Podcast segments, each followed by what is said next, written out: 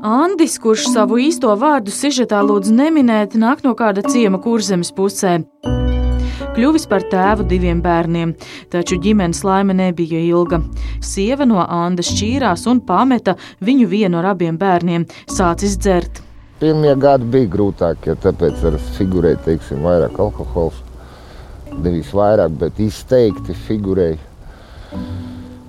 Bet, nu, sāk ārstēties cīnīties, jo apzinājos to, ka bērns man var atņemt. Ko tur liekties, ka man tika izņemti bērni no ģimenes pat vairāk kārt. Stress izpaudās un to agresijas izpaudu teiksim, uz bērniem. Jo tā kā nebija pieaugušs cilvēks, iespējams, es būtu uz kādu pieaugušo teiksim, izrādījis to agresiju. Nepamatoti reizes bijuši, kad es bērniem gan uzkliedzu, arī bija reizes, kad fiziski ietekmēju. Par sociālās rehabilitācijas kursiem cilvēkiem ar agresīvu uzvedību Andim stāstījusi dienesta psiholoģe. Kad piekto nodarbību, teiksim, tik atvēros, ka es tā kā vairāk biju noslēgts sevi. Tur ir jāuzdrošinās un jāiet. Es zinu, tas nav, teiksim, komfortabli, teiksim, tajā pašā momentā. Bet tas ar laiku, tas bailes, bažas izsijājas, izgaist, teiksim, jāuzdrošinās ir galvenais. Andim un bērniem šī programma ikdienu mainīja uz labo pusi. Mēs vairāk runājam, vairāk kopējas lietas darām, ko līdz šim neesam darījuši. Es nezinu, vai savas aizņemtības dēļ, vai savas uzpūtības dēļ, es nezinu, tā nu ir bijis, ka nu, mēs it kā dzīvojam, bet praktiski es apzinos to, ka viņi ir mani bērni, bet nu, tajā pašā momentā mēs bijām sveši visi.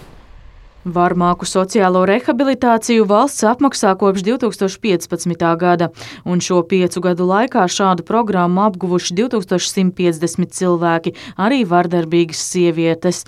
Eksperti norāda, motivēt cilvēkus ar vardarbīgām tieksmēm atzīt savas problēmas un vēl nākt uz kursiem pats par sevi ir milzīgs izaicinājums.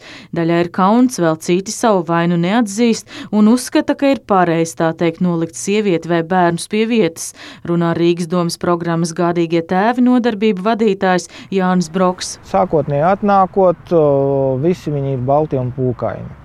Neatzīst un nepieņem to, ka kaut kāda vardarbība notikusi.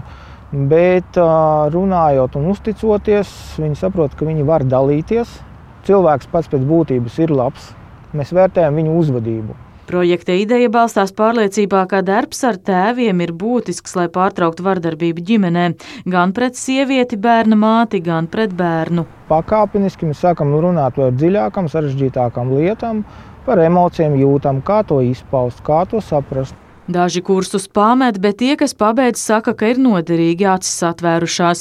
Saimā pašlaik skata iniciatīvu, kas paredz paplašināt tiesas kompetenci, papildināt pagaidu aizsardzību pret vardarbību ar šādu līdzekli, dot tiesai iespēju personai uzlikt par pienākumu piespiedu kārtā iziet sociālās rehabilitācijas kursu vardarbīgas uzvedības mazināšanai, stāsta Tieslietu ministrijas civiltiesību departamenta direktore Dagnija Palčevska. Tas jau iespējams kalpos ne tikai šīm konkrētajām attiecībām, bet arī attiecībām uz nākotni un arī bērniem, kas iespējams ir šajās attiecībās. Taču labā griba atdūrusies pret finansējuma trūkumu. Pašlaik obligāti nevis brīvprātīgā kārtā vardarbīgas uzvedības labošanas programmas noteiktas tikai krimināli sodītām personām, valsts probācijas dienesta klientiem. Pēdējos piecos gados tajās piedalījušies 447 cilvēki, bet atšķirībā no šī gadīgie tēvi un mācību centrs MKB strādā saknē, līdz ko problēmas pamana, negaidot noziegumu. Arī tiesne mēneši obligātai rehabilitācijai ir atbalstoši, apstiprina Rīgas apgabaltiesas civilietu tiesas kolēģijas tiesnese Ilze Celmiņa. Rajona tiesneši man arī ļoti ātri atbildēja uz jautājumu, vai jūs spētu atpazīt.